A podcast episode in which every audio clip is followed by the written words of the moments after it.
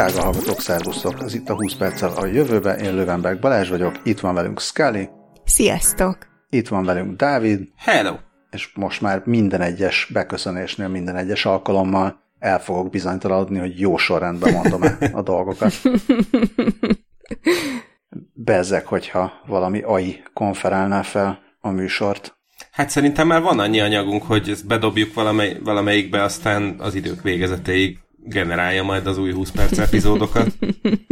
Igen, de egyelőre amennyire ellenőriztem még, a szóvicceket még nem tudná úgy generálni. Na de vissza a mit, mit tudna generálni? Nagyon jó kérdés. Tudna generálni szitkomot, mert a múltkor beszéltünk arról, nem tudom, hogy a múltkor vagy a múltkor előtt, de valamikor mostanában beszéltünk arról, hogy a Twitchre valaki csinált olyat, hogy egy ChatGPT-vel generál végtelen Seinfeld szöveget, és generál hozzá videót is, és akkor ezt közvetíti egy ilyen végtelenített Seinfeld szitkomban, amit aztán, mivel akkor még a ChatGPT-nek nem volt megfelelő, hát ilyen content védelme, eléggé elment ilyen transzfób, homofób rettenet irányba, és akkor gyorsan leszették. Larry Feinberg nevű ilyen Al, Al Seinfeld figura kezdett el mondani, hogy, hogy a minden liberális titokban meleg,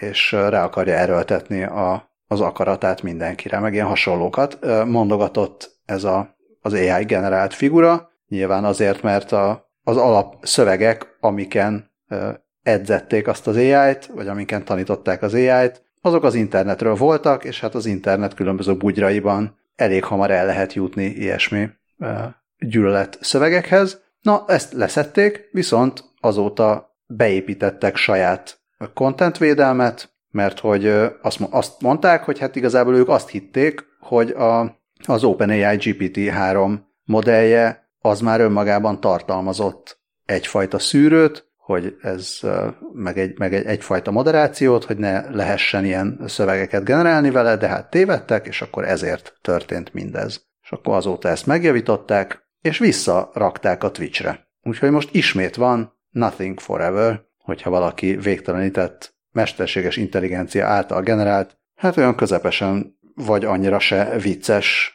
ilyen glitch, glitches videót szeretne nézni. Akkor lehet. Hát addig el lehet vele szórakozni, amíg a miénk meg nem érkezik, ugye, amit belőlünk generál az AI. És hogyha meg mégis nem, nem túl vicces, és nagyon guztustalan, akkor majd lehet rámondani, hogy fúj. Ohaj, de Igen. szép. Megérkeztünk a fúj vagy nem fúj rovatba.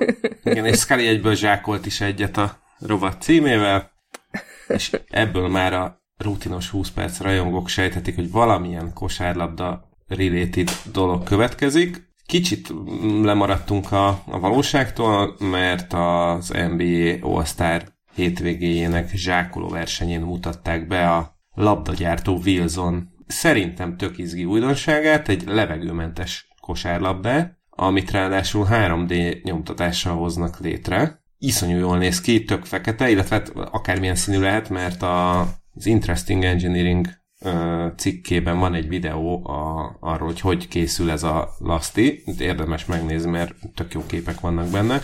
És akkor kiderül, hogy egyébként ez fehéren születik, csak aztán később színezik meg. És hogy ez, ez egy ilyen óriási nagy fejlesztés volt a Wilson életében. Fel lehet tenni a kérdést, hogy na jó, jó, de mire jó ez? Leginkább arra, hogy nem kell pumpával utána fújni, nem ereszt le, nem lyukat ki, és így tovább. Uh, és hát tök, tök menőn néz ki, és uh, tulajdonképpen ez egy ilyen átlátszó, vagy ez egy ilyen lyukacsos gömb, amin így át lehet nézni. Ennek ellenére azt állítja Wilson, illetve a, az NBA osztár zsákoló versenyén látott bemutató alapján is lehet látni, hogy ez így nagyjából úgy viselkedik, mint egy kosárlabda, ugyanúgy pattog, körülbelül ugyanakkor, nem körülbelül, hanem ugyanakkora, ugyanúgy megvannak benne azok a ilyen szelet, szeletkék vagy cikkelyek, amik a kosárlabdákat tagolják, úgyhogy ez a az újdonság a kosárlabda házatáján. Azt nem tudom, hogy ez mennyire lesz majd elterjedt, hogy egyáltalán bevezetik-e majd a, mondjuk az NBA-ben, vagy akármelyik ligában, de, de majdnem biztos vagyok benne, hogy szerintem jövő nyáron majd tele lesznek a játszóterek, meg a parkok ilyesmikkel. Hát játszótérre tökéletes lenne, mert a játszótér, majd nem tudom, hogy pont ez, de hogy maga az ötlet, hogy, hogy ne tudjon leereszteni egy labda, az nagyon jó dolog, amikor az ember aszfalton játszik, vagy bármi olyan helyen, ahol esetleg éles betonsarkak is lehetnek, mert ott hát elég hamar le tud pusztulni akár bőr, akár műbőr labda. Viszont a, hát két dolog jutott erről eszembe még ezen kívül, hogy az egyik, hogy megnéztem ezt a zsákoló versenyes videót, ami, hát most azt hagyjuk, hogy ez mennyire volt érdekes maga a zsákolás, semennyire, de, de nekem úgy tűnt valahogy, hogy a labda se pattan annyira. Tehát, mint hogyha ugye az alapján, amit e, hát így a videó lehetett látni, hogy mint hogyha egy picikét olyan fáradtabban pattanna ez a labda, amikor a Kenyon Martin, ifjabb Kenyon Martin, idősebb Kenyon Martinnak oda pattintotta a labdát, akkor valahogy így tűnt. Aztán lehet, hogy tévedek, de hát ezen biztos még tudnak változtatni vagy javítani. Igen, én is arra lennék kíváncsi, hogy, hogy a sportolók beszámolója szerint mennyivel másabb, mint a, mint a hagyományos labda, meg hogy, meg hogy mennyire nehéz megszokni, mert hogyha nem tudom, patogtatod 10 percig, és utána ugy, ugyanúgy játszol vele, mint a megszokott labdával, akkor tényleg jó játszótérre is. A másik meg, ami, ami fel, vagy nem is feltűnt, hanem amin úgy gondolkodom egy picit, így, hogy mondtad, Dávid, hogy ugyanezek a, a tagolások megvannak benne, mint az eredeti labdában, tehát a, a kosárlabdában, legalábbis amit most használnak, nyilván korábban is valahogy össze volt varva a, a külseje a bőr darabokból, ugye most már, most már nem varják, hanem ragasztják, de hogy ezek a kis szegmensek, ezek azért vannak, és azért vannak azok a kis árkok a kosárlabdában, mert, mert nem tudtak egy gömb alakú labdát, vagy hát egy teljesen gömb alakú labdát csinálni, hanem ilyen kis darabkákból varták vagy ragasztották össze. Utána persze, utána persze ez, ez abból a szempontból egy kényelmes tulajdonsága lett a labdának, hogy így aztán könnyebben meg tudja fogni az is, akinek nem akkora keze van, mint Kawai Leonardnak, vagy nem tudom ki a legnagyobb kezű Na, játékos. Basz, tehát igen, szóval, hogy, hogy picit segíti a, a, az irányíthatóságot, meg azt, hogy, hogy meg tudja az ember fogni a labdát, de hát a 3D nyomtatással megszűnik ez a, mm, a, ez a, ez a kényszer, hogy így legyen. Nyilván már most is meg, megszűnt, mert most sem feltétlenül muszáj, hogy pont ilyen alakú szegmensekből varják össze a, a labdát. Ugye focinál szokott ez lenni, hogy a különböző világbajnokságokra mindig az aktuális labda szponzor, az kitalálja, hogy de az ilyen labda ez most még jobb, és akkor nem régebben volt, hogy ötszögekből, meg hatszögekből varták össze, utána, utána meg más alakokból, és akkor mindig gyártanak mögé egy ideológiát, hogy most ez miért, miért jó, de hát a, a focilabdánál nincs ez, mint a kosárlabdánál, tehát ott, ott nem tudom, biztos ott is befolyásolja, hogy milyen alakú izékből van összevarva az, hogy hogy viselkedik a levegőben, tehát a kosárlabdánál még inkább befolyásolja, hogy milyen alakú dolgokból van összevarva, és nem olyan könnyű azt mondani, hogy oké, okay, hát itt egy sokkal gömbölyűbb labda, mert sokkal rosszabb lenne egy, egy gömbölyűbb labda, mert sokkal kevesebb kontrollja lenne a játékosnak fölötte. Tehát tökre kíváncsi vagyok, hogyha véletlenül esetleg ez mégis elterjedne, nem hiszem egyébként, hogy ilyen vezető ligákban ez el fog terjedni, maximum valami X játékok, vagy valami hasonló ilyen, ilyen média viccligában esetleg, de ha mégis, akkor ez, ez egy érdekes probléma lehet majd. Én közben azon gondolkodtam, hogy ugye ezen ilyen hadszagleti lyukak vannak, és hogy valószínűleg ez is segíti a fogást, mert ugye az új begyeid azért, hogy valamennyire bele tudnak abba is kapaszkodni ezekbe a kis hadszögekbe. Lehet, hogy ezzel nagyobbakat lehet dobni, meg messzebbre, meg jobban csavarni, vagy nem tudom, de igen, amit Balázs mondott, azzal egyetértek, hogy ez igazából én még egy helyen látom ezt a labdát, ez ilyen nagyon menő videóklippekben lesz majd még elsütve esetleg. Ja, és át is lehet rajta világítani, bár annak nem tudom, hogy mi értelme van, de ez a lyukacsos, ez nagyon vicces.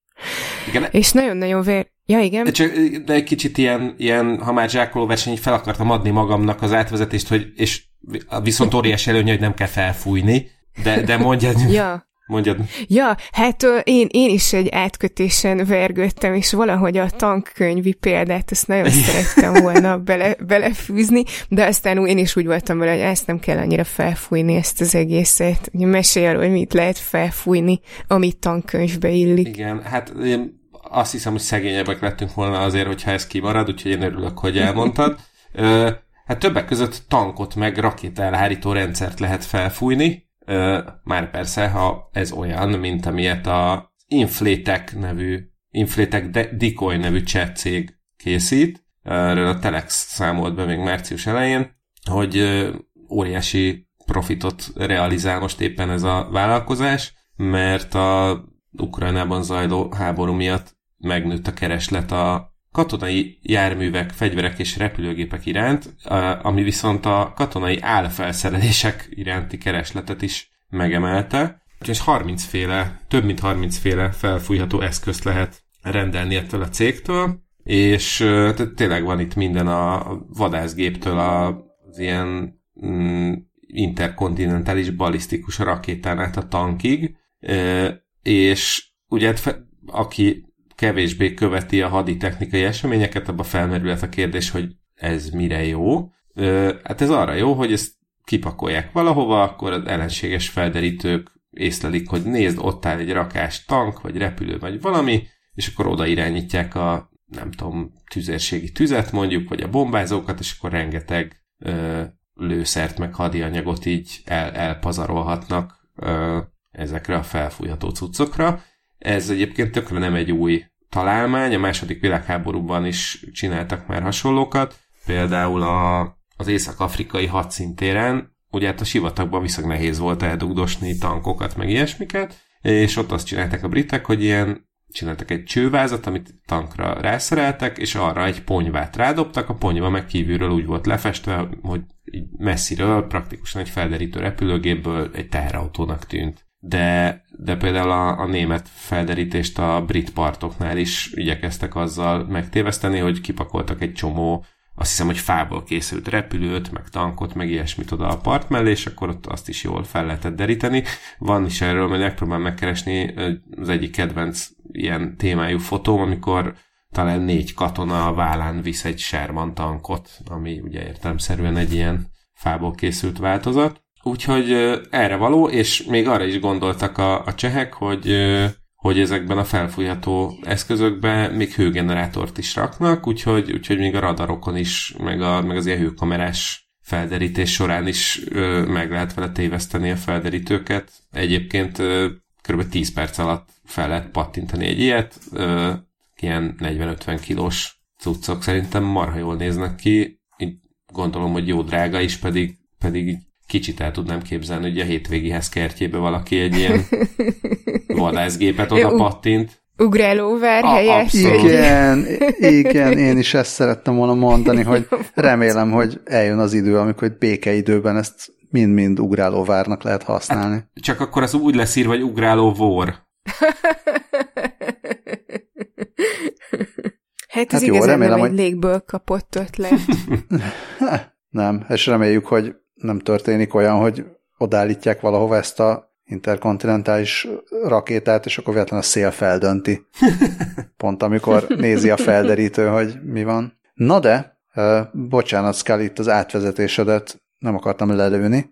E, semmi gond. Átrepültünk a repülő dolgok rovadba. A, hát a YouTube algoritmus tolta elém Mark Rober, a, hát ő az a ex-NASA mérnök, aki elhíresült arról, főleg, főleg arról híresült el, hogy a Amazon csomagokat az ajtó elől ellopó embereket jól megviccelte mindenféle glitter bombákkal, meg bűzbombákkal, meg hasonlókkal, ami videóknak egy részét egy icipicit hát így elcsalta, de mindegy. Most uh, akkor én kicsit elszomorodtam vele kapcsolatban, úgyhogy nem is nagyon néztem a videóit, de most betolta a YouTube algoritmus, hogy ő egy újfajta drónról készített videót. Jól megnéztem, és kiderült, hogy erről írt a, a gotofly.hu drón technológiával foglalkozó oldal is, ez pedig a Zipline nevű kaliforniai székhelyű, de egyébként a több afrikai országban is tevékenykedő logisztikai és drónfejlesztő startup új drón technológiája. Hát nem is tudom, hogy melyikkel kezdjem, tehát először nem is, a, nem is az új uh, drón technológiával kezdeném, hanem, hanem erről a videóról egy pár szót beszélnék, mert tényleg végigmegy uh, Mark Rober a Zipline korábbi fejlesztésein is, amik jelenleg is, tehát itt nem arról van szó, hogy itt egy startup, és akkor megálmodta, hogy mi lesz 2040-ben, hanem ennek a cégnek most is uh, működnek drónjai, hát elsősorban Ruandában, mert a, a ruandai állam az egyik legnagyobb megrendelője, és vérszállítással foglalkoznak. Tehát kórházakba juttatnak el megfelelő, milyen, minek hívják ezt, milyen típus? Vércsoport. Vércsoport, igen. Tehát ilyen különböző vércsoportú csomagokat juttatnak el nagyon hatékonyan. Hát olyan 20 perc alatt eljut egy, egy-egy csomag sürgősséggel a, a logisztikai központból a kórházba, ami egyébként esetleg a hagyományos utak, utakon mondjuk több óra lenne.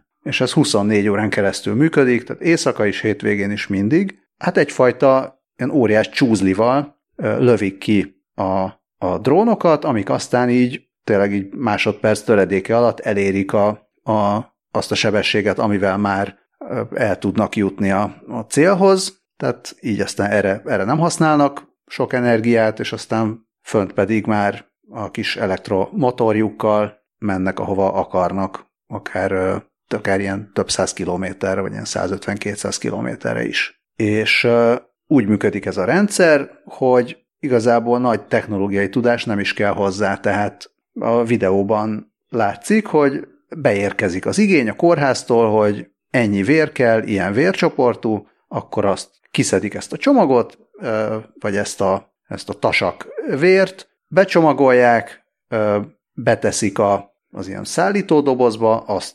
ráaplikálják, a, vagy hát berakják a drónnak a megfelelő fakjába, kivesznek egy éppen feltöltött akkumulátort, azt is rácsatolják, rárakják a szárnyat a drónra, behelyezik ebbe a csúzliba, és, és elindítják. Tehát kilövik, utána a drón már megy, ahova akar, az érkezése pedig olyan, hogy a, a megfelelő helyen egy ilyen kis ejtőernyős, ejtőernyővel kidobja a csomagot, az ott megérkezik, és a, a drón pedig visszanavigálja magát a kiindulási helyre, ahol egy a repülőgép hordozókon is alkalmazott módszerrel, tehát a, egy ilyen horog, horogszerű valamivel így elkapják a, a drónt, és így aztán az, hát ez ne, tök nehéz így leírni, hogy, hogy pontosan ez hogy működik, tehát mint az ilyen akciófilmekben, amikor a motoros, motorosnak leszedik a fejét egy kifeszített damillal, tehát kb. így néz ki, hogy van egy kifeszített valamilyen drót, abba beleakad a, a drónnak egy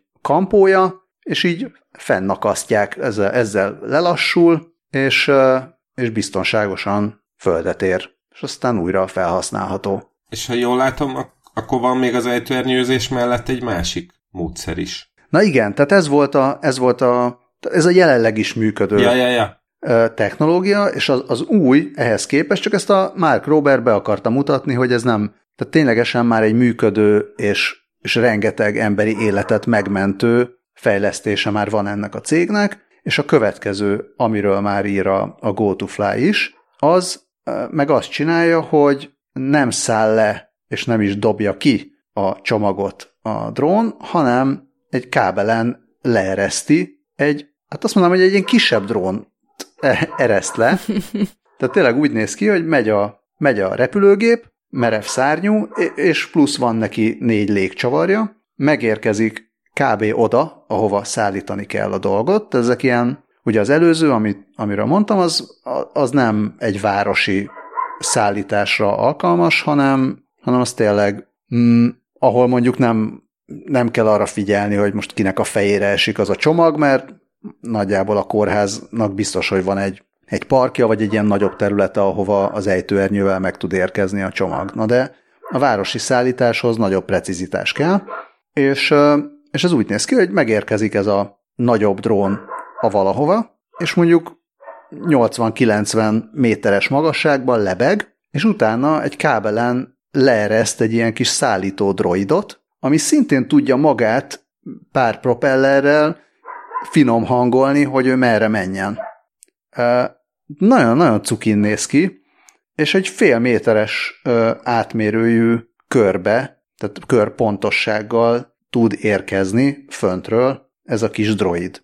És tök halk. Tehát a, az, hogy miért halk, tehát nincs ez az ilyen idegesítő drónzúgás, arra külön a, a cikk az nem tér ki, de a videó kitér, hogy a kolibrik csendes lebegését tanulmányozták a fejlesztők, és ezért a, zipline drónjainak ilyen nagyon fura alakú ratorjai vannak. Nem az, amit megszoktam, nézed, akkor olyan, mintha ez nem tudom, hogy megolvat volna a nagy melegben, tehát ilyen kicsit ilyen hülye alakja van az egésznek, viszont tényleg tök halk. Tehát egyfajta ilyen kis suhanó hangot hallasz, de nincs ez az ilyen agyrepesztő hülye ilyen... Ilyen fűnyíró zúgás. Még, igen, ilyen fűnyíró per egymillió még egyszerre zúg, zúgása. Ami ugye a városi környezetben még egy, még egy külön előny.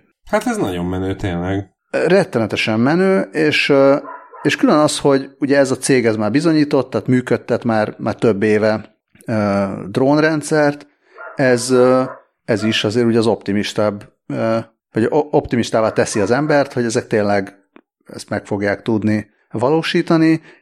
Szintén Ruandában fogják ezt majd tesztelni, az otthonokba, szállodákba és kórházakba történő szállításhoz Kigaliban, Ruanda fővárosa és környékén, illetve az Egyesült Államokban a Sweet Green étteremlánc, valamint egy pár ilyen egészségügyi szolgáltató.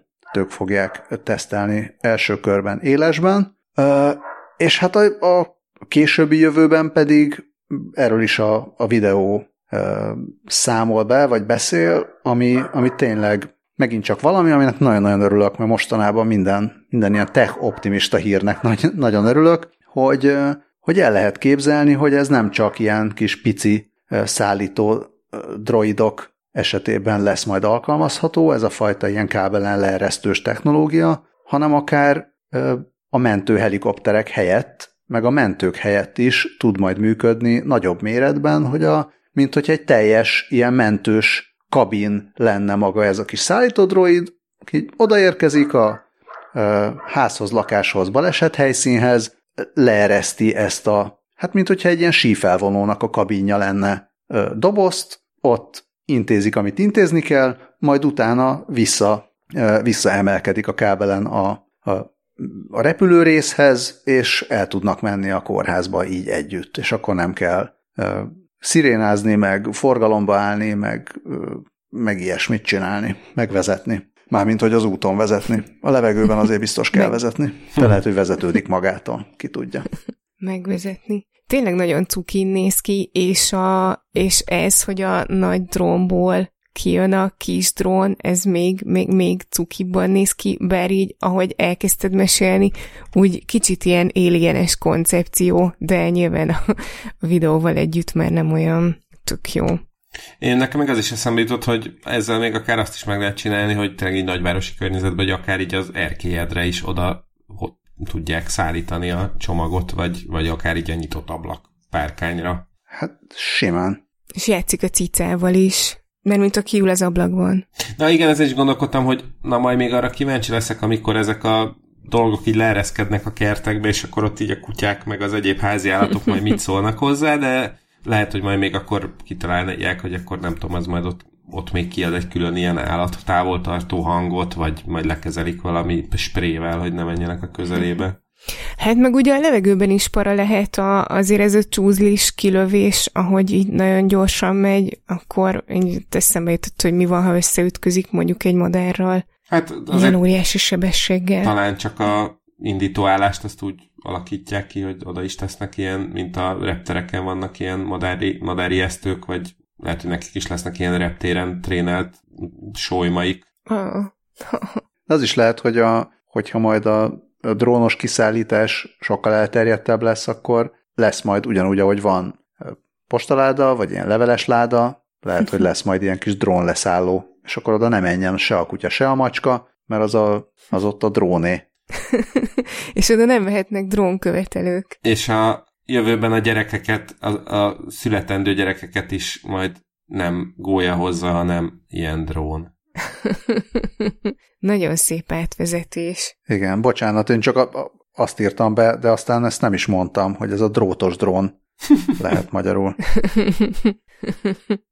Drónt. Szóval akkor, ahogy jelezted, majd biztos a gyerekeket is uh, ilyen drón fogja hozni, de addig is, amíg a gólya hozza, addig lehet őket uh, figyelni a gólya figyelő appon keresztül, ugyanis a Magyar Madártani és Természetvédelmi Egyesület most kiadott egy, egy mobilos alkalmazást, ami, amivel mm, azt szeretné segíteni, hogy, a, hogy az emberek tudjanak nekik adatokat beküldeni, hogyha gólyákat, gólyafészkeket és különösen fiókákat látnak. Egyébként már van egy, van egy gulyafészek adatbázisuk, amit még 2005-ben indítottak el, és azóta ez lett a legfontosabb magyarországi adatbázis, amivel a fehér gólyák fészkeit és költéseit tudják figyelni, és aztán ezt az adatbázist tavaly megújították, és most pedig már telefonos app is készült hozzá, az alkalmazásnak az a neve, hogy Turdus, ami nekem elsőre fura volt, aztán amikor rákerestem, akkor megtudtam, hogy ez tulajdonképpen a... Igen. ez, egy, ez a rigófélék latin neve, vagy hát, hogy egész pontosan a Wikipédia szerint a madarak osztályának veréb alakúak rendjébe és a rigófélék családjába tartozó nem, és nagyon sok mindenféle rigó tartozik közéjük, köztük a szemüveges rigó és a vörös csőrű rigó is például.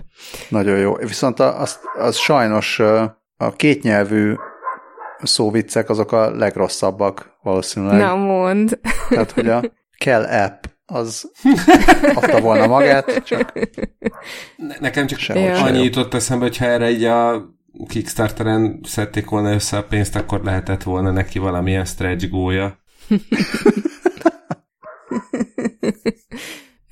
Hát ne, nekem is eszembe jutottak névnek olyanok, hogy szárnyas fejvadász, meg hogy az élet szárnyoldala, és tartok tőle, hogyha ez a bolygó nevére is kikerült volna, ott még, még, még szebb megfejtések érkeztek volna. Mm, viszont amúgy nem csak gólyákat lehet vele figyelni, hanem ilyen egyéb ö, egyéb figyelő szegmensek is vannak. Erről majd mindjárt mesélek. Bocsánat, bocs, de... bocs Kari, miel, mielőtt mesélni róla, csak hogy nem menjünk még nagyon messzire a, a nagyon rossz kétnyelvű szóviccektől, csak, csak ez, a muszáj most kiadnom magamból, hogy ez most rendhagyó módon ezt az adást csütörtökön veszük fel, úgyhogy akkor ez egy sztorkos csütörtök.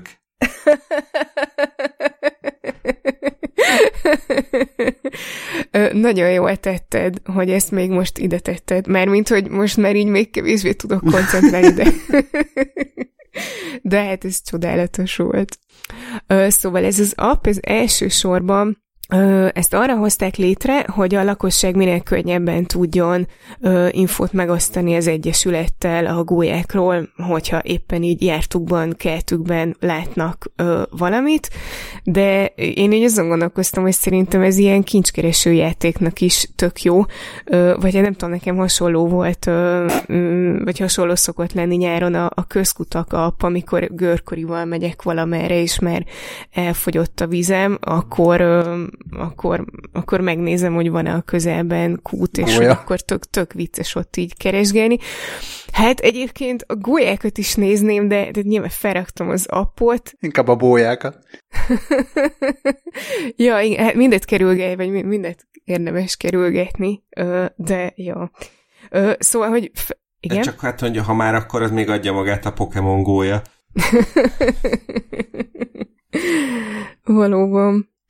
Szóval én is felraktam, egyébként regisztrálni kell, ez viszonylag gyorsan megvan, és akkor gyorsan megnéztem, és hát mivel ugye Budapestről jelentkeztem be, így a, a legközelebbi gólyafészekhoz valami tíz, több mint 10 kilométerre volt, Úgyhogy ez uh, nyilván akkor, akkor jobb, hogyha én kevés és sűrűn lakott területen bóklászol, de egyébként pont a hétvégén utazom, és már így, már így néztem, hogy, hogy hány kilométeres kitérő lenne, hogyha gulyafészkeket akarok látni, úgyhogy ezt majd meg, meg kell dumálnom a, a sofőrrel de szerintem, szerintem tök vicces, és amúgy nagyon-nagyon cuki, meg, meg tök jó böngészni, mert, mert nem, nem csak annyi van, hogy ott ugye akkor a térképen látod, hogy itt van egy gólyafészek, vagy egy gólyafészeknek a helye, mert hogy van, ahol csak a, a fészek tartó van kint, hanem, hanem tudnak a felhasználók feltölteni is ö, fényképeket, ö, úgyhogy ö, a, amerre menni fogok hétvégén, ott így ö, láttam, azt hiszem, hogy tavaly előttről olyan fotót, ahol a fészekben ott vannak a kis gólyák, és nagyon-nagyon cuki volt. Mert ugye az van, hogy ez az app, ez most indult, viszont a, az abban, meg hát ebben a megújult adatbázisban, mert a korábbi kitöltési eredmények is benne vannak, meg a megfigyelési adatok és a fészkekről készült fotók, itt a HVG cikkében azt írják, hogy több mint tízezer fészek alapadatához kapcsolódóan ott van 118 ezer költési eredmény, 55 ezer megfigyelési adat és 67 ezer fotó. Ja igen, és ennek kapcsán, ha már rossz szó viccekről van szó, akkor az jutott eszembe, hogyha a fiókák hangjáról is lenne hangfelvétel, akkor lehetne a telefonunkban még néhány mikrochip. Oh. A, uh, azt igen? nem tudom, hogy vajon van-e olyan app, vagy adatbázis, vagy bármi, ahol az összes jeladós gólyát lehet követni. Az lenne jó, ha lenne. A múltkor utazgattunk itt Izraelben, és egy helyen szerintem egy csomó gólyát láttunk körözni, mert hogy mostanában már úgy költözgetnek, vagy vonulgatnak gondolom vissza, vagy lehet, lehet hogy akkor vonulgattak már vissza, jó barátom Törökországból küldött fotót, azt hiszem, hogy ő, ő is látott gólyákat vonulni. Szóval ez mindig, mindig jó látni, amikor elképzelem, hogy lehet, hogy most éppen Magyarországon költő gólyákat látok itt errefelé, és olyan jó lett volna leellenőrizni. Ez tényleg tök érdekes ötlet, meg, meg lehetne őket ugyanúgy követni Twitteren, mint Elon Musknak a magángépét. Én viszont közben kicsit elkalandoztam a Magyar Madártani Egyesület weboldalán, és, és, és ott megtaláltam a bolt menüpontot, amit mindenkinek csak ajánlani tudok, a mm, mmebolt.hu oldalon elérhető, ez igazán megérdemli a támogatást, mert egyrészt ugye a Madártani Egyesület tök jó dolgokat csinál, másrészt iszonyat jó dolgok vannak a, a, a boltjukban. Például van egy rakás iszonyatosan jó plüss állat, de, de kom, te, le vagyok teljesen nyűgözve. A, van, van egy-kettő Magyar Madártani Egyesület profiához tól kicsit elütő jószág, mint van plüss három újú lajhár, meg, meg plüss atlanti rája, de, de hogy van egy csomó tök jó madár, tehát hogy például plüss jégmadár, meg süvöltő nevű madár, amiről így hirtelen nem is tudtam, hogy ez létezik meg plusz erdei pinty, meg ilyenek, és ráadásul nem is drágák. Tehát, hogy most így azt hittem, hogy egy ilyen plusz állatot, azt ilyen nem tudom, 5000 forint alatt már sehol nem találsz, és itt meg így sorjáznak 3-4 ezer forintokért a jobbnál jobb plüssök, úgyhogy érdemes megnézni. Egyébként is tök jók a, a Madártani Egyesületnek a cuccai, a, nem is tudom hol jött szembe, lehet venni ilyen támogatói kitűzőt 500 uh-huh. forintért, és ilyen nagyon-nagyon szép ilyen, ilyen ez az enamel pin típusú kitűző,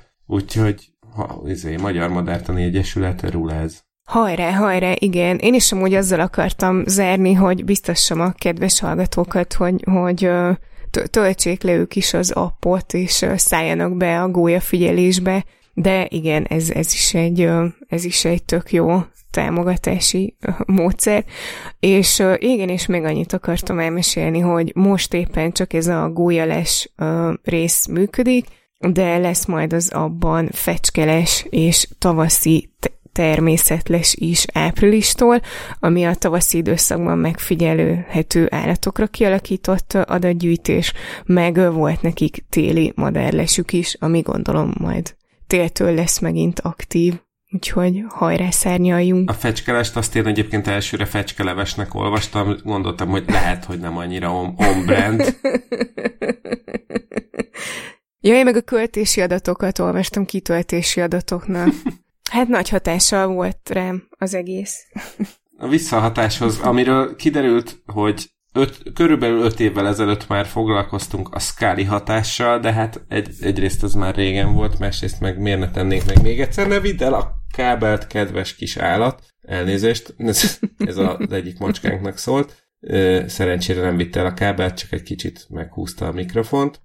Szóval a Scully hatásról 2018. május 13-án megjelent 57. Gének az esőben című epizódban már beszéltünk, de most a minap, sőt egész konkrétan tegnap megjelent a Telexen Telex Ace Combine rovatában a nem sok tévés karakternek volt akkor a hatása a társadalomra, mint az X-Attack Scalia-nak. Hát ezt úgy éreztem, hogy nem mehetek el mellette szó nélkül, és azonnal bedobtam a ö, jegyzetekbe.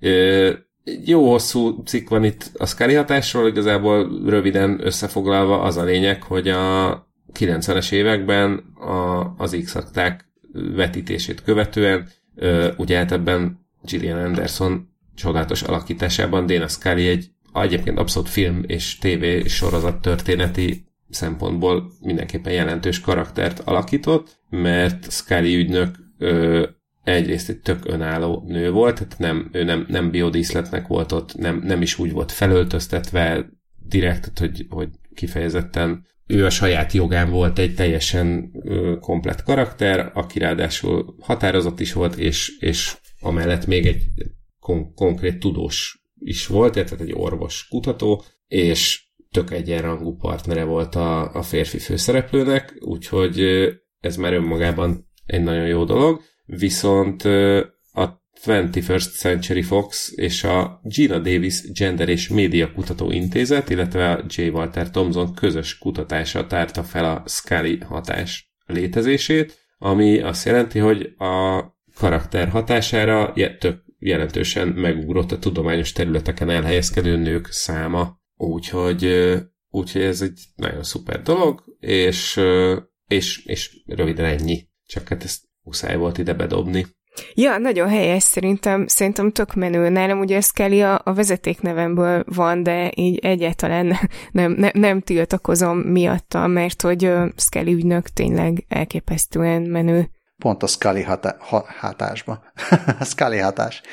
Szóval hogy a, pont a Scully hatásba telt be a SD, az SD kártya a kis zoomban. Na hát ilyen dolgok is majd megoldódnak, amikor majd jól remélhetőleg már stúdióba fogunk tudni felvenni nyártól. Jó, jó.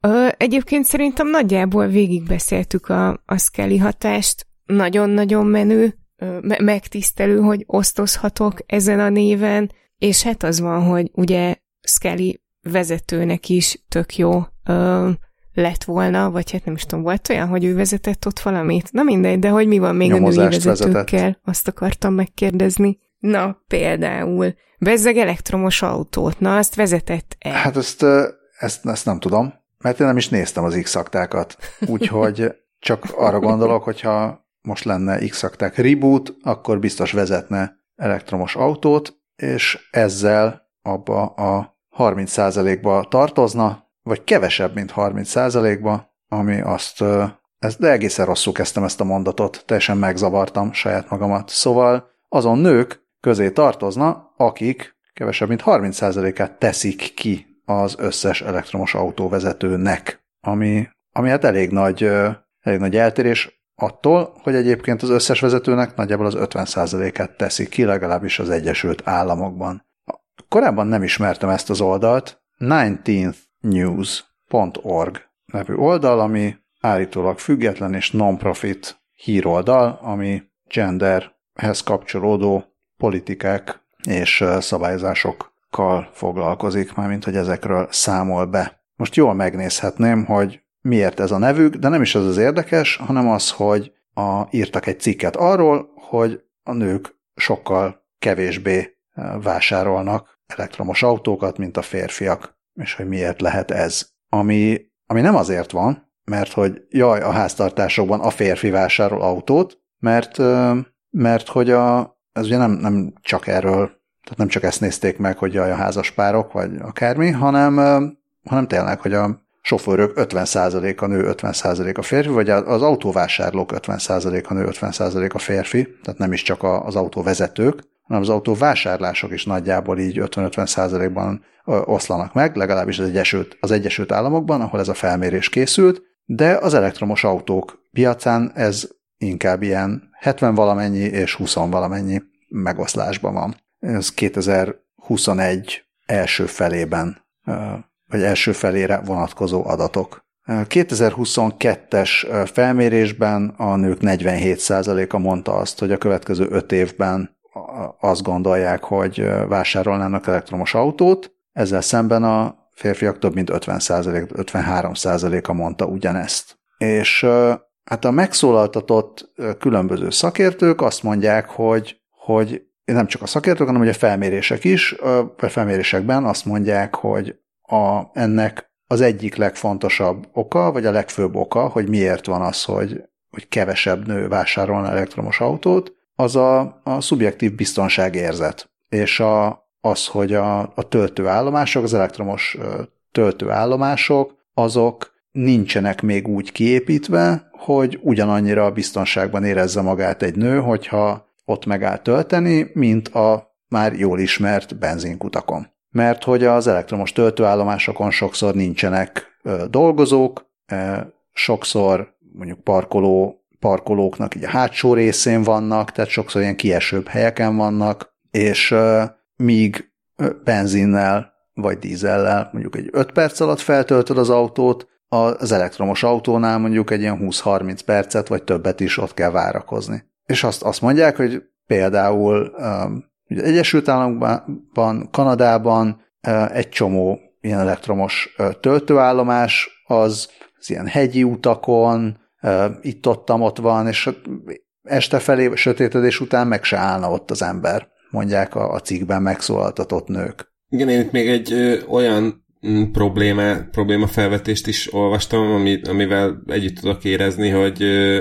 hogy hát nem, nem minden esetben egyértelmű, hogy, hogy ezek a, ezek a remek appok, amik, amikkel lehet indítani a töltést, ezek működni is fognak, és akkor senki nem akar ott áldigálni egy sötét utca sarkon, az egyik kezébe a telefonjával, a másik kezébe meg a, nem tudom, 50 ezer dolláros elektromos autója kulcsával, és próbálja rávenni épp az appot, hogy működjön. Ezzel, ezzel a jelenséggel én is találkoztam, amikor nyáron egy korábban nem használt töltőhálózatot kellett használnom, mert olyan töltő jött szembe, és, és akkor tényleg ott álltam 10 percen keresztül, és nyomkodtam a QR kódot, szedtem le az appot, akkor kiderült, hogy akkor abba még nem úgy lehet regisztrálni, hogy csak úgy belépsz a Google-al, vagy az akármivel, hanem akkor külön el kell menni egy weboldalra, akkor nem működött, szóval téptem is a hajamat közben. Na most ugyanezt még akkor tényleg egy este egy sötét utcán előadni, az még külön rossz érzés lehet úgyhogy abszolút validak ezek a fenntartások és kifogások. Az jutott eszembe, hogy ami ezen segíthet, nyilván ahogy megyünk előre, hát egyre jobban te, terjed, meg fejlődik majd a töltő infrastruktúra. Például Seattle-ben, azt hiszem, hogy Seattle-ben mm, csinálták azt, amiről szerintem valamelyik adásban beszéltünk is, hogy, hogy egész egyszerűen minden villanyoszlopba építenek majd töltőcsatlakozót, és kész és akkor akárhol leparkolsz, ott van melletted a villanyoszlop, oda bedugod az autót, és jó estét. És ez mondjuk egy tök jó megoldás szerintem, mert, mert tényleg villanyoszlop mindenhol van, sok van belőle, úgyhogy e, ezt a példát lehetne például követni szerintem. Ja, ez tök menő ötlet. Mm, én közben nagyon gyorsan csekkoltam, hogy, a, hogy az oldalnak azért a 19th News a neve, mert ugye az Egyesült Államok alkotmányának a 19. módosítása biztosította a választójogot a nők számára. Na hát akkor reméljük, hogy majd valami biztosítja azt a jogot is, hogy választhassanak elektromos autót biztonsággal. hát, ja, igen, pont ezt akartam mondani, hogy joguk már van, csak csak még a körülmények nincsenek meg. De azt tök jó, hogy egyetem foglalkoznak vele, és készül ilyen felmérés, és hát akkor reméljük, hogy akkor így a, az eredményekkel kezdenek is valamit. Hát esetleg nyomást lehet rájuk helyezni. 3D-ben. hát, úgy, úgy, úgy gondolod, hogy mint a 3D nyomtatott süteményekben? Akár. Amit, amit ja, külön tud... nagyon köszönök, hogy bedobtál a jegyzetbe, mert ez, ez, ezzel ma én is találkoztam ezzel a hírrel, és akartam is berakni ide, aztán valami közbe jött, és akkor jól elfelejtettem, úgyhogy most nagyon örülök, hogy itt van. Na, hát akkor szupi. Én ö, egyszerűen imádtam, imádtam ezt a hírt, és különösen a, a, a videót.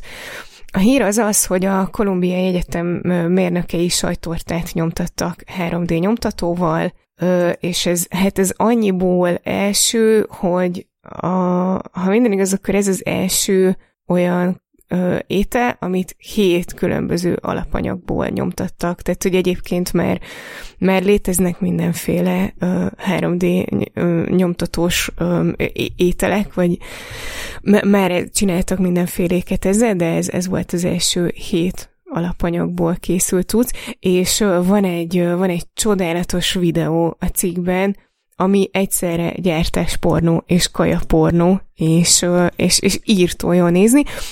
Ebben a videóban így be, bemutatják a projektet az első sikertelen kísérletektől kezdve végül a, végül a, a sikeres prototípusig, és ebben az utolsó sikeres kísérletben végül 30 perc alatt készült el a, a szelet sütemény, hét különböző anyagból, amik közül volt, amit lézerrel is hát fixáltak, most ez nem egyértelmű, hogy sütöttek vagy főztek, mm, a hét összetevő az, az graham kex volt, graham kex tészta volt, magyaróvaj, eperzseli, nutella, banánpüré, cseresznyevöntet és cukormáz, ö, és egyébként ö, ö, a, a lézeres süt, ja igen, a, a, a SW csak egy ilyen viszonylag rövid cikket írt róla, viszont linkelték benne a, a nature.com-on megjelent teljes cikket, és az így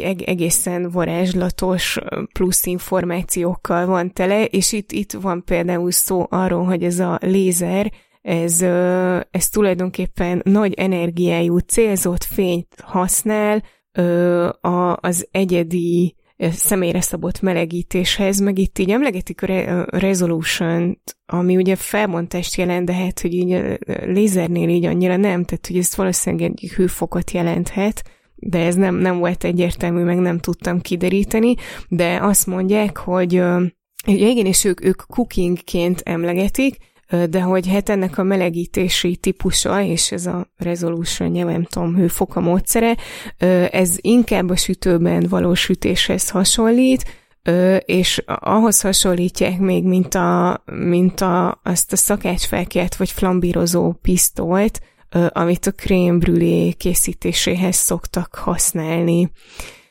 Hát azért fontos hozzátenni, hogy, hogy hát finomnak nem lett finom, állítólag az ízre nagyon nem oké, de hát ugye azzal mentegetőztek a kutatók, hogy hát ők mérnökök, nem szakácsok, de elvileg szerintük uh, csak idő kérdése, hogy uh, minden valamire való otthonnak legyen ilyen digitális séfje a konyhájában, uh, és egyébként a kutatók még azt mondták, hogy, hogy ezzel a módszerrel idővel, tehát nyilván majd hogyha tökéletesítik, akkor mindenféle étel elkészíthető, aminek az alapanyagait pép, por vagy folyadék formájában feldolgozták, Amiről egy eszembe is jutott, hogy ezek pont ilyen fokhúzás után ehető dolgok, vagy, vagy hát a másik, hogy amivel a, a kisgyerekeket kell etetni, és aztán utána a nature cikkben olvastam is, hogy hogy ennek a módszernek az egyik előnye, hogy alternatívákat kínálhatnak a pürésített ételek mellé olyanoknak, akiknek nyelési nehézségei vannak, vagy, vagy egyéb probléma miatt nem tudnak szilárd ételt tenni, illetve azt is említik, hogy, hogy lehet vele készíteni termékeket olyan alapanyagokból is, mint például a növényi húsok, alga, vagy az olcsóbb, nem hagyományos fehérjék. És fú, rengeteget jegyzeteltem, nagyon-nagyon szórakoztató volt a téma, illetve nem, nem gondoltam volna, hogy ennyi van a témában, de például itt így említik, hogy azért is csak a hét alapanyag miatt az első a világon, mert csokoládé nyomtató például már 2012 óta létezik, és egyébként a, a NASA is kutatja a, a kajanyomtatásos dolgokat, az űrben ehető ételekhez, és egyébként már, már amúgy is léteznek mindenféle ételeket összerakó gépek és robotok, a kenyérsütő robotoktól kezdve saláta készítő gépeken át, pizza nyomtató robotokig, meg növényi alapú húsokat is készítenek 3D nyomtatóval, ö, igen, tésztát nyomtatnak, automatizált tortadíszítők, személyre szabott, szabott gumicukrok és egyéb szoftvervezérelt melegítő berendezések, úgyhogy így imádom. és itt a, a, a videónak a végén így ilyen olyan kedvességgel jönnek a, a kutatók, hogy hát ezzel majd így meg tudsz úgy osztani egy szelet süteményt valakivel, hogy, hogy távol vagytok egymásról. Mondjuk ez a rész, ez nekem így pontok furának tűnt, mert hát, hogy az alapanyagokat úgy is be kell szereznie mindenkinek külön-külön, tehát hogyha, hogyha ilyen van, akkor jelenleg legalábbis egyszerűbb ö, nem tudom, elmenni egy gyors étteremes, gyors éttermi burgerért, és akkor az, az is ugyanolyan, de, de nagyon-nagyon cuki a, az ötlet, meg hát az jutott még eszembe, hogy, hogy ugye a 3D nyomtatásban, mert mint hogy amikor nem ételről van szó, hanem mondjuk műanyagból kell nyomtatni valamit, akkor ahhoz egy csomóféle sablon elérhető már az interneteken, Például ugye van egy kedves hallgatónk, a 3D Tamás, aki, aki nyomtatott nekünk süti kiszúrót, Dávidéknek is, Bizony. meg nekünk is. Úgy, és így tök, tök kíváncsian várom, hogy, hogy ebből mik, miket hoznak ki a, a mindenféle kreatív elmék, mert hogy tényleg elképesztően vicces ötletek voltak már a, már a 3D nyomtatható süti kiszúrok között is, illetve hát el kell mesélnem, hogy nekem nemrég egy, egy kedves ismerősöm nyomtatott olyan tokeneket, amiket a bevásárló kocsiba lehet rakni a, a, a százas helyett, ami azért tök jó, mert elraktam az egyiket a kulcstartómra, és akkor és az mindig nálam van, százas meg nem szokott már nálam lenni, és akkor ebből kettőt kaptam, az egyik egy ilyen nagyon kultúrát, az simán csak ilyen százas karika formájú, de hát kaptam egy, egy viccesebbet is, ami pénisz formájú, és nagyon viccesen néz ki, amikor az lók ki ott így a bevásárlókocsiból. Na és írtóra kíváncsi vagyok, hogy, hogy miket fognak kitalálni a, az emberek, ö, hogy milyen kajákat, milyen alapanyagokból, és hogyan, hogyan lehessen nyomtatni. Ez nem a torta díszítés az, az, az mindenképpen elképzelhető, hogy, hogy nem lesz feltétlenül rosszabb 3D nyomtatva, mert mondjuk egy, egy fondant vagy cukormázat azt minden további nélkül be lehetne uh-huh. nyomni egy 3D nyomtatóba, meg nyilván ezeket már csinálják is. Maga, tehát uh-huh. ami, ami az alatt van, nagyon nehéz azt azért elképzelni, hogy az megközelítse a élvezeti értékben a, a normális süteményt, viszont az, való, tökre igazad van, hogy érdemes ezt a videót megnézni, mert ezek a gyorsított felvételek a különböző félre sikerült, vagy kudarcba fulladt próbálkozásokról, ezek annyira aranyosak, és tényleg, hogy az ember szívesen, tehát van az az állapot, amikor azt látod, hogy, hogy megkóstolnád ezt is. És minden úgy néz ki, hogy elindul, a, elindul ez a, hát mint az ilyen krémkinyomó, tehát megy a rétegenkénti 3D nyomtatás, és nyomja, nyomja, nyomja, nyomja, nyomja, és akkor mi az a pont, amikor nem is mint a kártyavár, hanem nem tudom, mint a homokvár, így, így összedől szerencsétlen. Tehát, hogy ott van tényleg ez a hétféle alapanyag, megy az első, akkor még nem dől össze, megy a második, még mindig nem dől össze, akkor rányomják a, az eperzselét, és plötty, akkor az egész elkezd egy ilyen kupac szarra hasonlítani, de akkor nem hagyják abba, hanem még befejezik még a ötödik, hatodik, hetedik réteget is, még azért rányomják kifejezetten, kifejezetten szórakoztató, és úgy nem azt mondom, hogy étvágygerjesztő, de mondom, van a, tényleg van, a, a, van az a napszak, meg az a, az, az állapot, amikor, amikor az embernek is így nekiesik egy kanállal, Ja, hát